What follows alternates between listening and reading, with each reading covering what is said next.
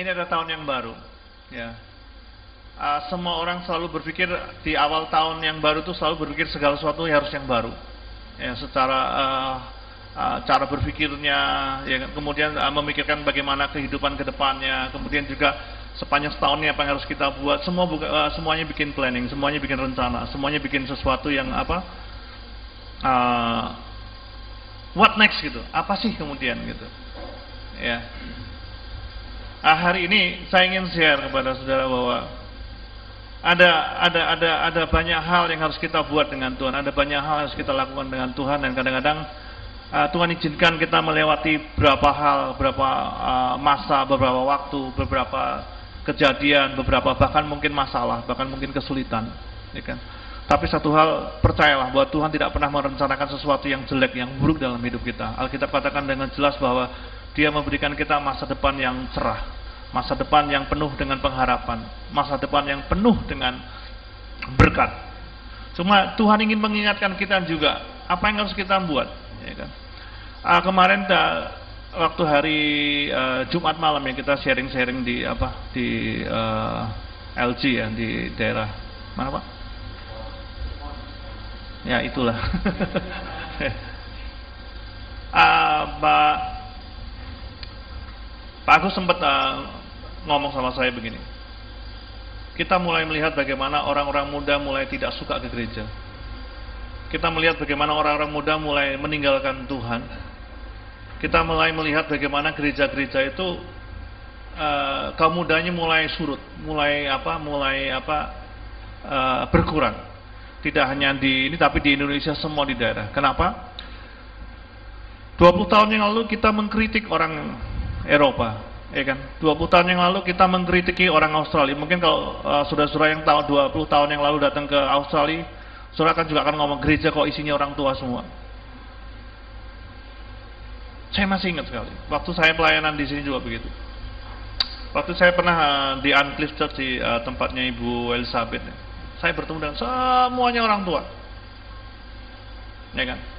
Kemudian kita mengkritik, enggak di Indonesia, di kita-kita ini orang-orang mudanya lagi on fire gitu. Saya masih ingat sekali tahun 80-an itu uh, kalau sudah pernah dengar nama Jeremiah Rim, sudah dengar Daniel Alexander, sudah dengar nama Yosef, itu kalau bikin apa uh, Bible Camp untuk anak muda di Tawangmangu, ya di daerah Solo ke atas sana itu, itu the whole area itu diisi orang kita semua. Itu bisa ada ribuan orang di sana. Dari Jakarta ada 20 bus, dari Bandung ada 20 bus, dari Surabaya apalagi karena waktu itu on fire apa bisnya ada di Surabaya. Ya kan? Belum dari kota-kota yang lain sudah datang semua. Jadi tidak ada satu hotel pun, satu motel, satu rumah penduduk pun semuanya disewa diisi. Itu sekolah kitab Tawangangu menjadi base campnya untuk apa uh, acara itu total nggak bisa nggak bisa penuh sesak orang. Kita kalau kebaktian itu kursi dipinggirin semua nggak boleh ada kursi, berdiri udah nggak muat. Jadi setiap kali mulai session itu kursi udah keluar apa ruangan semua, semua ruangan tuh diisi semuanya, penuh semuanya. Tapi Anda melihat hari-hari ini, ya, saya setelah Uh, terakhir saya ke Australia ini ke Sydney tahun 2000 ya, 2000 akhir ya, dari udah 13 tahun yang lalu. Ya. Saya tidak mengatakan bahwa Anda mulai kendor, tapi saya ingin mengingatkan, mari kita memperbarui hati kita. Saya nggak mengatakan bahwa anak-anak muda yang mulai meninggalkan saudara, enggak. Tapi saya ingin mengajak saudara, mari challenge orang-orang muda kita ini. Kita sudah sudah sudah berbeda generasi kita sering kali lupa, kita sering kali menikmati, kita sering kali apa uh, terbuai dengan apa yang sudah kita kerjakan sehingga kita lupa apa yang di belakang kita, apa yang di depan kita juga. Ya, kita puas dengan hidup kita, kita puas dengan apa yang sudah kita capai. Saya masih ingat 15 tahun yang lalu saya ditawarkan bahwa saya supaya tinggal di Australia saja. Serius, saya ditawarin untuk memimpin satu gereja dan itu gitu. Tapi saya berdoa, apakah ini benar? Secara secara apa? Secara daging saya akan lakukan, secara daging saya akan iyakan. Kenapa? Saya sangat menikmati di sini. Saya sangat menikmati udara di sini. Saya sangat menikmati apa suasana di kota ini. Tapi hati saya yang katakan enggak, saya harus pulang. Kenapa? Tuhan punya rencana yang lebih lagi. Jadi Saya percaya kalau hari ini ada saudara ada di tempat ini, saya percaya Tuhan juga punya rencana yang dahsyat buat saudara. Kenapa saudara gak tinggal di Jakarta? Kenapa saudara nggak tinggal di Surabaya? Kenapa saudara nggak tinggal di Bandung? Kenapa saudara nggak tinggal di Semarang? Kenapa saudara nggak tinggal di Tawangmangu? Kenapa saudara ada di Sydney ini? Apakah saudara tidak pernah merasa, tidak pernah tahu bahwa Tuhan punya rencana yang dahsyat buat hidup? Bukan sekedar hidup di sini, bukan sekedar bekerja di sini, bukan sekedar bersekolah di sini. Banyak orang merancang hidupnya, banyak orang merancang masa depannya, banyak orang ingin meretas kehidupannya, Sedemikian rupa, sedemikian baiknya. Nanti saya sekolahnya harus begini, nanti degree apa segini, nanti saya selesai tahun sekian, saya merit tahun sekian, saya bekerja sekian, sekian, sekian, sekian. Semuanya sepertinya well planning. Tapi sering kali kita lupa bahwa rencana kita, kita tidak menyertakan Tuhan. Sehingga yang terjadi adalah waktu dari waktu ke waktu akan terjadi hanya rutinitas ya kan? Sir, apa sirkulasinya itu selalu begitu saja tanpa ada sesuatu yang bisa kita nikmati dengan Tuhan. Lahir, menjadi remaja, ya kan? Sekolah, sekolah juga merasa ter apa?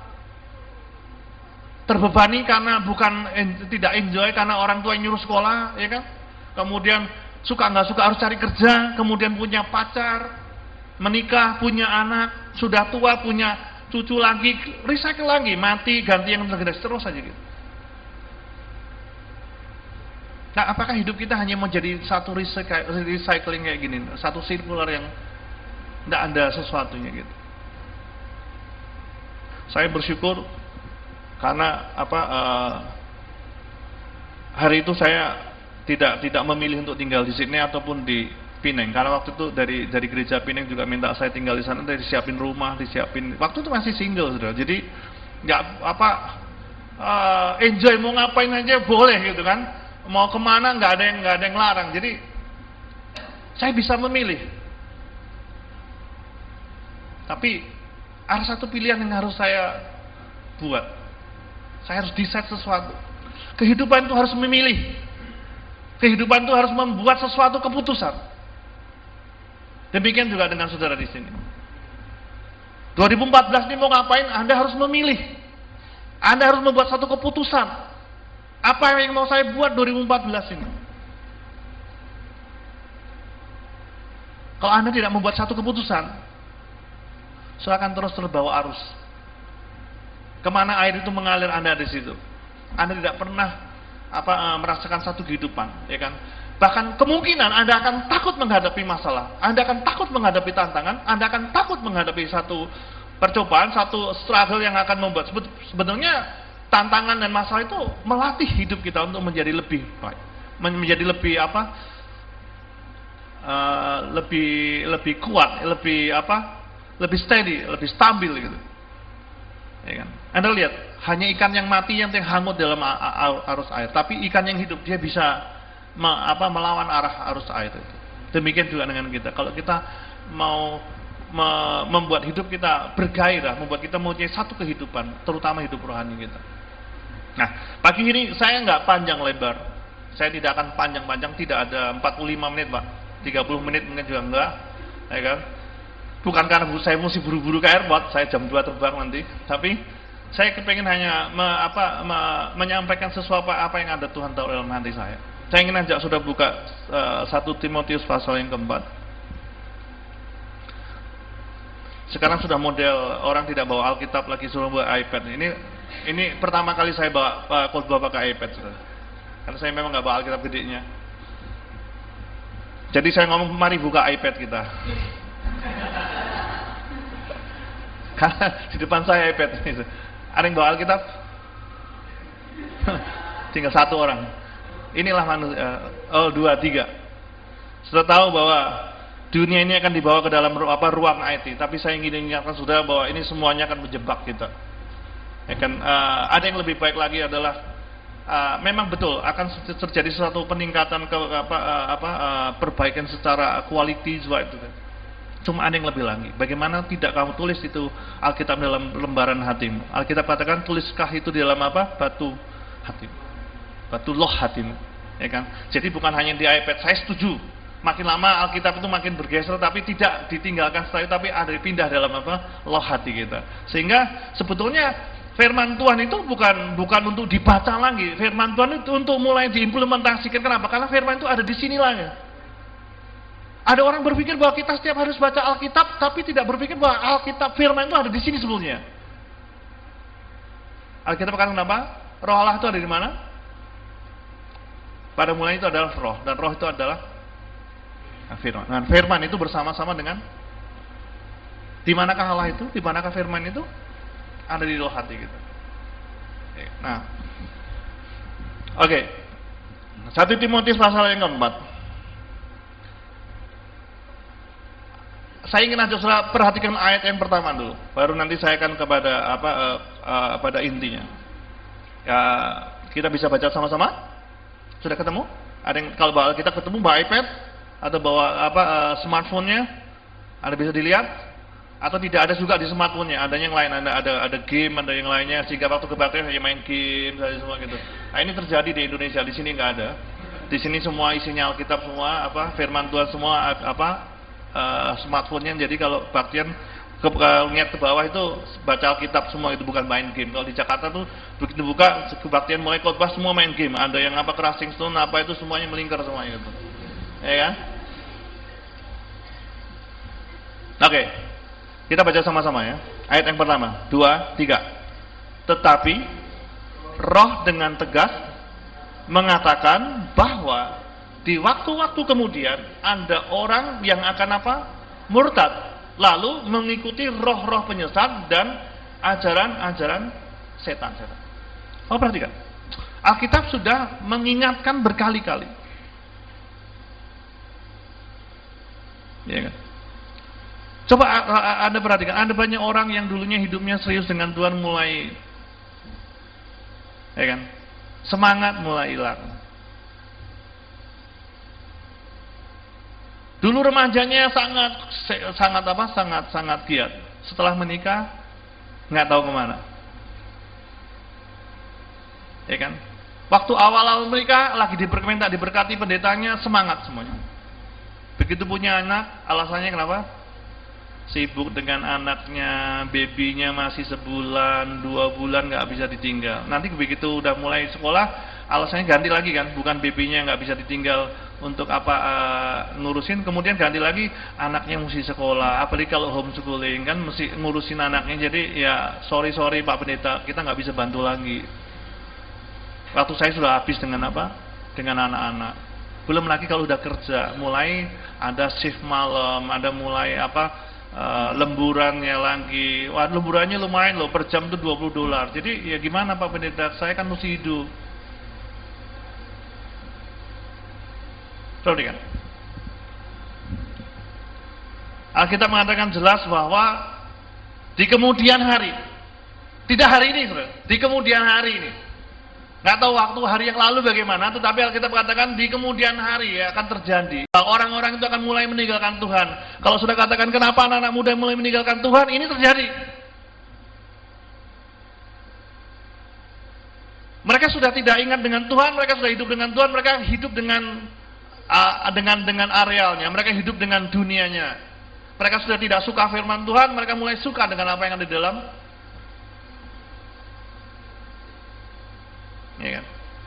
IT itu bagus, IT itu akan menolong banyak, tapi itu juga akan merusak kalau anda nggak siap.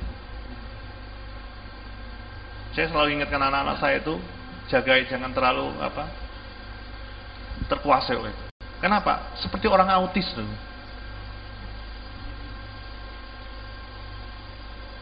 Tidak bisa bergaul dengan yang lain, dengan sendirinya.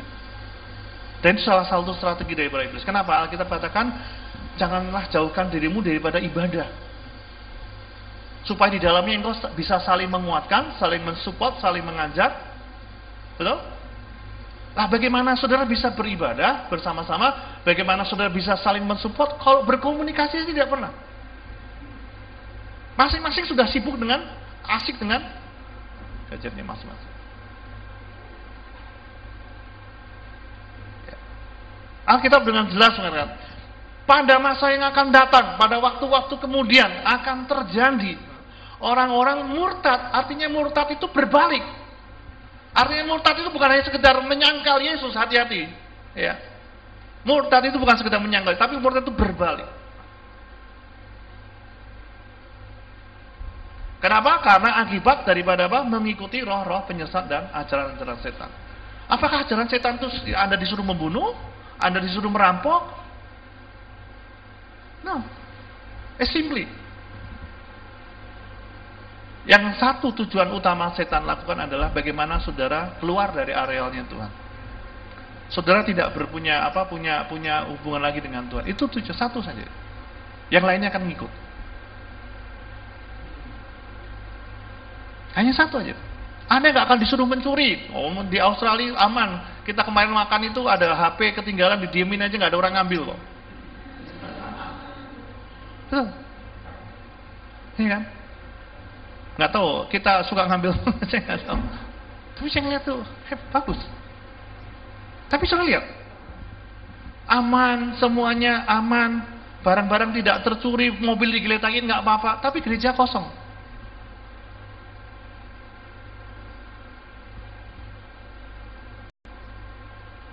Ada satu kamuflase yang kita nggak sadar yang sedang apa iblis taruh dalam hidup kita. Kerjaan baik, anak-anak baik, kesehatan baik. Tapi tidak beribadah. Cepat atau lambat. Cepat atau lambat. Kita katakan jelas akan mengikuti roh-roh penyesat akan mengikuti ajaran-ajaran setan. Ya. Kan? Lagi ribut sekarang apa? Sesama sejenis itu kawin diberkati di gereja. Kenapa baru ribut sekarang? Dulu-dulu juga Tuhan sudah mengingatkan sebetulnya. Benar kan? Ini salah satu yang dikatakan Tuhan orang-orang ini akan menghuni neraka katakan. Alkitab katakan begitu betul? Firman Tuhan sudah mengatakan begitu. Tapi mereka lupa. Kalau firman Tuhan sudah pernah mengatakan begitu. Kenapa? Karena mereka tidak beribadah. Karena mereka tidak punya hubungan dengan Tuhan. Nah, coba perhatikan. Kalau untuk hidup yang sementara, kita berjuang. Kalau untuk hidup yang sementara, kita melatih diri kita. Ya kan? Ada orang mau pengen pergi ke pesta, pasti ke salon dulu kan, rapin rambutnya dulu, apa kan, dipercantik, semua di make up, dipermak semuanya, begitu kumpulin dulu dikit-dikit kan begitu kan? Supaya nggak kelihatan supaya kelihatan licin itu bagaimana kan gitu. Untuk slim supaya langsing anda berusaha bagaimana menjaga makan diet ketat sekali sampai sakit perut. Sampai mahnya kena. Ya kan? Anda berolahraga semikian rupa tapi seminggu sekali makannya tiga kali lagi sama saja Anda supaya kelihatan gagah, Anda pergi fitness, Anda itu latih apa bodybuildingnya, supaya besar, six pack, semuanya, itu kan? Anda melatihnya itu. Dan Anda tidak lakukan sekali selesai jadi, enggak kan? Harus lakukan berkali-kali, Anda harus melakukannya, Anda harus mendisiplinkan diri, Anda harus sungguh-sungguh melatihnya. Dan menyusun waktu dengan baik, antara kerja, olahraga, dan segala sesuatu. Anda menyusun waktu semua itu. Untuk mendapatkan kehidupan yang lebih baik, Anda bekerja keras. Kalau bisa seminggu 8 hari. Karena kurang waktunya. Saya termasuk workaholic. Saya sering dikomplain, betul. Serius. Saya orang yang workaholic sekali. Nah, kita lihat coba. Turuninkan sekarang.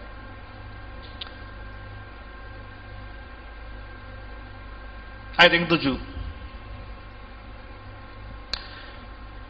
Ada hal yang harus kita lihat bagaimana supaya kita memasuki musim yang baru, the new season di 2014 ini. Ada dua hal yang penting harus kita buat.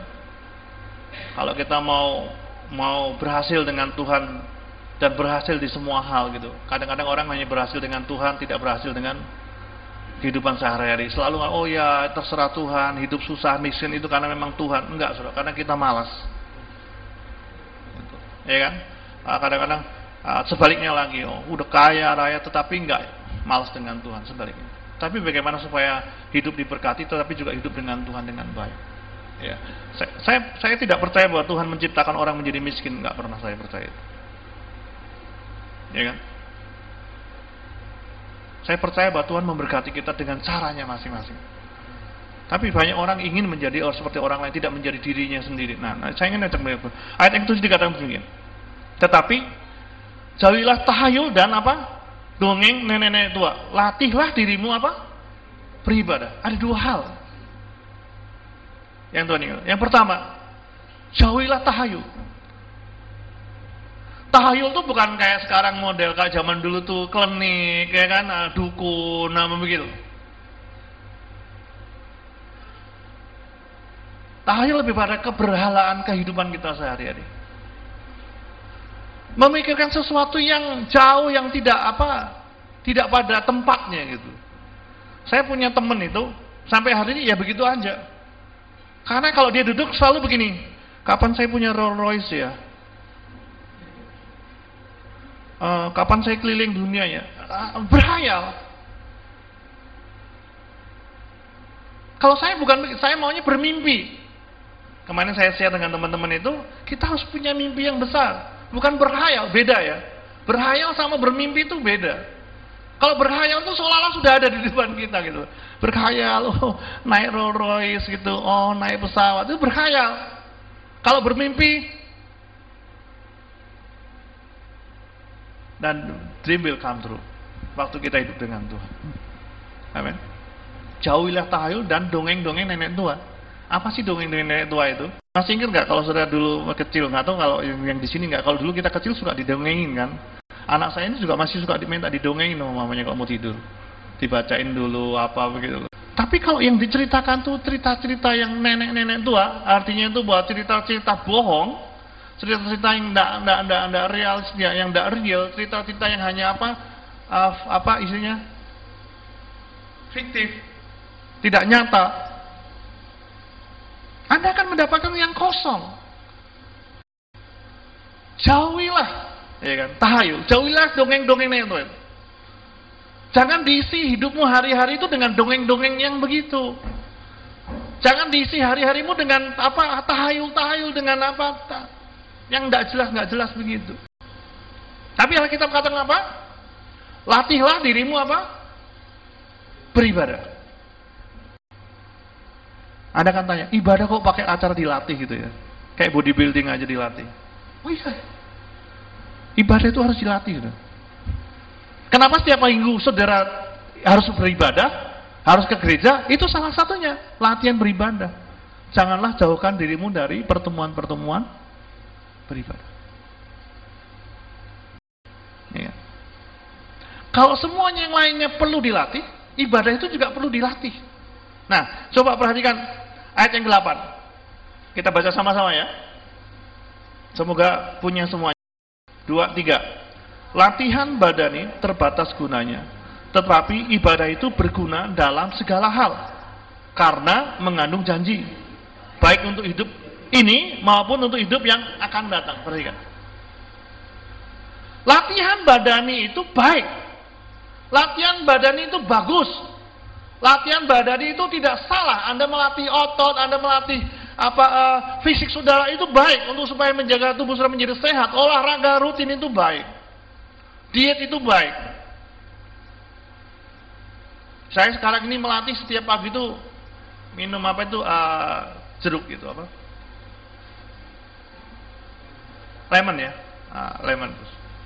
Setiap pagi. Dulu saya nggak bisa. Jangankan jeruk, makan buah sedikit seharian pasti ke belakang, bro. Betul. Tapi sekarang saya makan apa minum itu setiap hari nggak ada masalah. Bahkan itu membuat saya fit. Saya melatih perut saya supaya bisa menerima. Dan itu terjadi, bisa. Saya yakin itu. Bahkan kemarin saya satu teman saya itu ketemu saya itu setiap ketemu saya itu lagi berobat. Dia tinggal di luar kota. Setiap kali ketemu saya di Jakarta lagi ngapain berobat? Setiap ketemu berobat. Kenapa? Lambung saya bermasalah. Ini bermasalah. Terus apa kata dokter? Iya nggak tahu, masih berobat terus. Bayangin, setiap ketemu selalu berobat. Akhirnya dia tanya, Pak Santoso kok kelihatannya fit? Uh, jamunya apa katanya? Enggak, enggak ada minum apa-apa. Cuma saya kasih tahu bahwa setiap pagi saya minum jus. Dan kita mulai lakukan itu. Saya nggak sarapan pagi, tapi saya selalu mulai dengan jeruk itu, kemudian dengan jus, dengan udah sampai siang, sampai udah kita lakukan berapa? Tiga tahun kali ya. Kemudian oke okay deh, akhirnya dia beli juicer. Dia beli juicer, dia bilang, berapa bulan kemudian ketemu saya lagi fresh, fresh ih kamu fresh sekali, kamu lagi apa? Saya lagi jalan-jalan. Udah sehat, sehat. Kenapa? Itu apa berkat apa uh, resepnya Pak Santoso katanya, minum jeruk apa gitu. Hey, yang tadi lambungnya bermasalah itu sembuh. Padahal nggak percaya Tuhan loh, cuma percaya omongan saya loh, sembuh. Apakah itu firman Tuhan? Kalau firman Tuhan yang berbicara, dia garansi. Pasti itu. Dia bela firmannya itu. Amin. Latihan badani itu perlu. Tapi hal kita katakan bahwa latihan badani itu terbatas. Bukan tidak perlu. Baik, bagus, perlu. Tetapi ingat, terbatas. Makan enak perlu nggak? Perlu. Ada gunanya nggak? Ada, kalau nggak ada gunanya jangan dimakan, oh mahal. Ada gunanya makan enak itu. Saya suka makan enak. Tapi terbatas. Makan es krim enak kan? Enak. Tapi terbatas. Latihan badani, terbatas gunanya. Tapi Alkitab yang jelas apa katakan? Tapi latihlah dirimu apa? Beribadah. Saya kagum dengan sepupu saya, bro. Itu ibadahnya lima kali nggak pernah berhenti, bro. Walaupun nggak nggak nggak nggak nggak nggak nggak nyampe nyampe, tetapi dilakukan setiap hari. Melatih gitu. Nah, tahu maksud saya kan? Berhasil secara fisik tuh. Berhasil secara properti, berhasil sekali semuanya.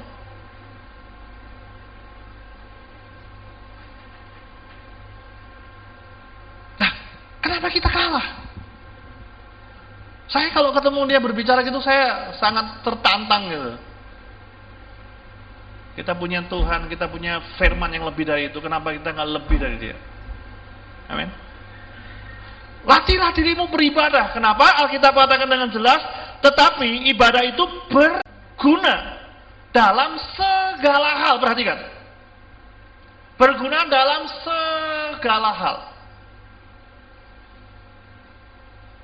Berguna dalam hidupmu hari ini, berguna dalam pekerjaanmu hari ini, berguna dalam kesehatmu hari ini, berguna dalam keluargamu hari ini, berguna dalam anak-anakmu hari ini, karirmu hari ini, semua ibadah itu berguna. Bahkan Alkitab katakan berguna bukan hanya untuk hidup yang sekarang. Tetapi yang akan datang. Alkitab katakan berguna untuk sekarang dan hidup yang sekarang yang akan datang. Orang berpikir yang sekarang yang akan datang itu di surga. Nggak ada urusannya saudara. Di surga urusannya Tuhan. Amin. Tetapi hidupmu 10 tahun kemudian, hidupmu 20 tahun kemudian, hidupmu 30 tahun kemudian, itu dimulai dari hari ini.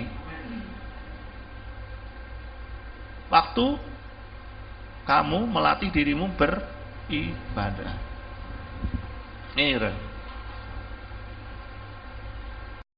Saya menyadari sekali bahwa saya berhasil bukan karena saya pinter. Saya nggak sekolah tinggi sudah SMA doang sudah. Betul. Keluarga saya backgroundnya bukan keluarga orang kaya. Saya bukan di belakang saya bukan Lim Shulong. Di belakang saya bukan si Sudono Salim, di belakang saya bukan Lipo Group. Bahkan sampai hari ini orang berpikir bahwa di belakang saya ada Lipo Group, ada si apa James Riyadi dan kawan-kawan. Setiap kali saya ketemu orang katakan, kamu sama Lipo Group ya? Terus sama siapa? Tuhan. Di belakangmu siapa saya oleh? Enggak ada, yang ada cuma Tuhan. Serius, Saya yakin itu. Kenapa? Karena dari 30 tahun yang lalu saya melatih diri saya beribadah. Saya menikmati ayat ini dan saya masih mau menikmati yang ke depan lagi. Latihlah dirimu beribadah karena itu berguna untuk hidup yang sekarang dan yang Yang akan datang itu bukan di surga. Kalau untuk hidup yang akan ada di surga, hari ini kita pulang surga semua aja. Mau? Oh, anda nggak mau pulang surga? Latihan badani itu terbatas. Tapi latihan ibadah itu berguna dalam segala hal. Karena mengandung janji. Nah ini sudah. Janji untuk hidup yang hari ini, ya kan? Baik untuk hidup hari ini maupun untuk hidup yang akan datang. Mengandung janji. Janjinya apa? Ya janjinya di seluruh Alkitab saudara itu. Semua itu janji Tuhan. Alkitab katakan apa?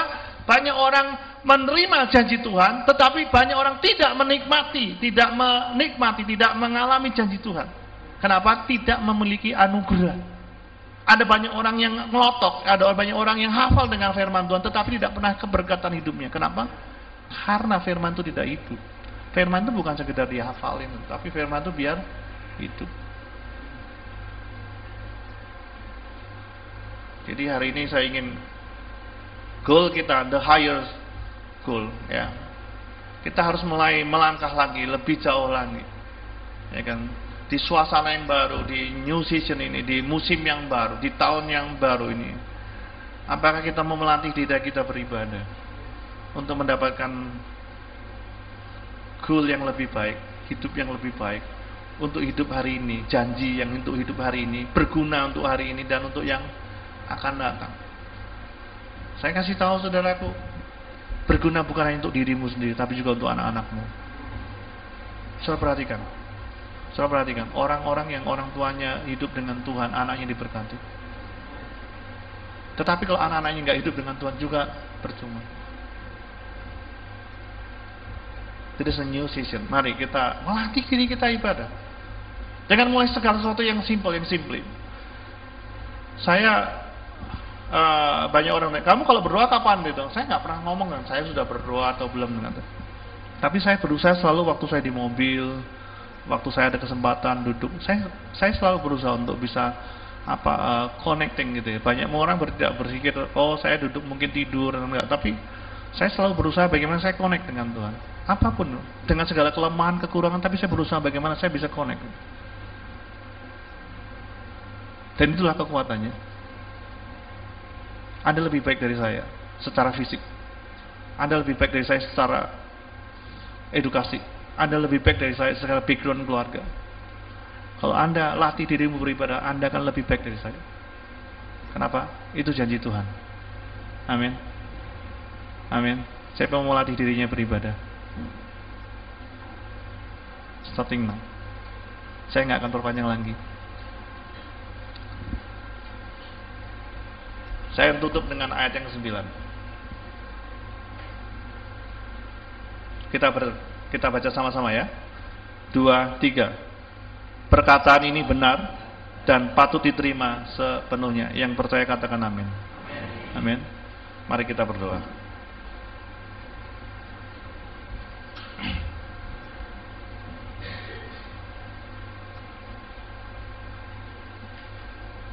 Perkataan hamba berhenti sampai di sini Tuhan. Dengan waktu terbatas, cara yang terbatas, dengan bahasa yang terbatas Tuhan. Bahkan teman-teman di kota-kota lain, di negara-negara lain yang melihat program ini lewat streaming, lewat internet. Semuanya terbatas Tuhan. Satu hal yang kami percaya bahwa Engkau tidak pernah terbatas. Roh Kudus tidak pernah terbatas, Engkau akan mengalirkan, mengalirkan, mengalirkan kasih. Engkau akan mengalirkan firman. Engkau akan mengalirkan urapan. Engkau akan mengalirkan hadiratmu dari tempat ini Tuhan. Dari depan saya ke belakang Tuhan Yesus. Bahkan teman-teman yang lain yang sedang melihat lewat program live streaming maupun yang lain Tuhan. Mari dengan caramu yang jaib yang tidak pernah terbatas itu. Berbicaralah kepada kami Tuhan. Jamah hati kami, jamah hidup kami.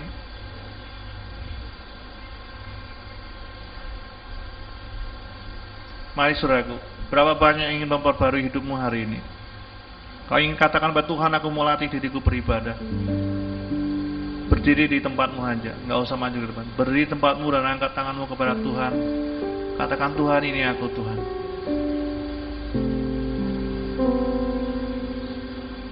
Ya.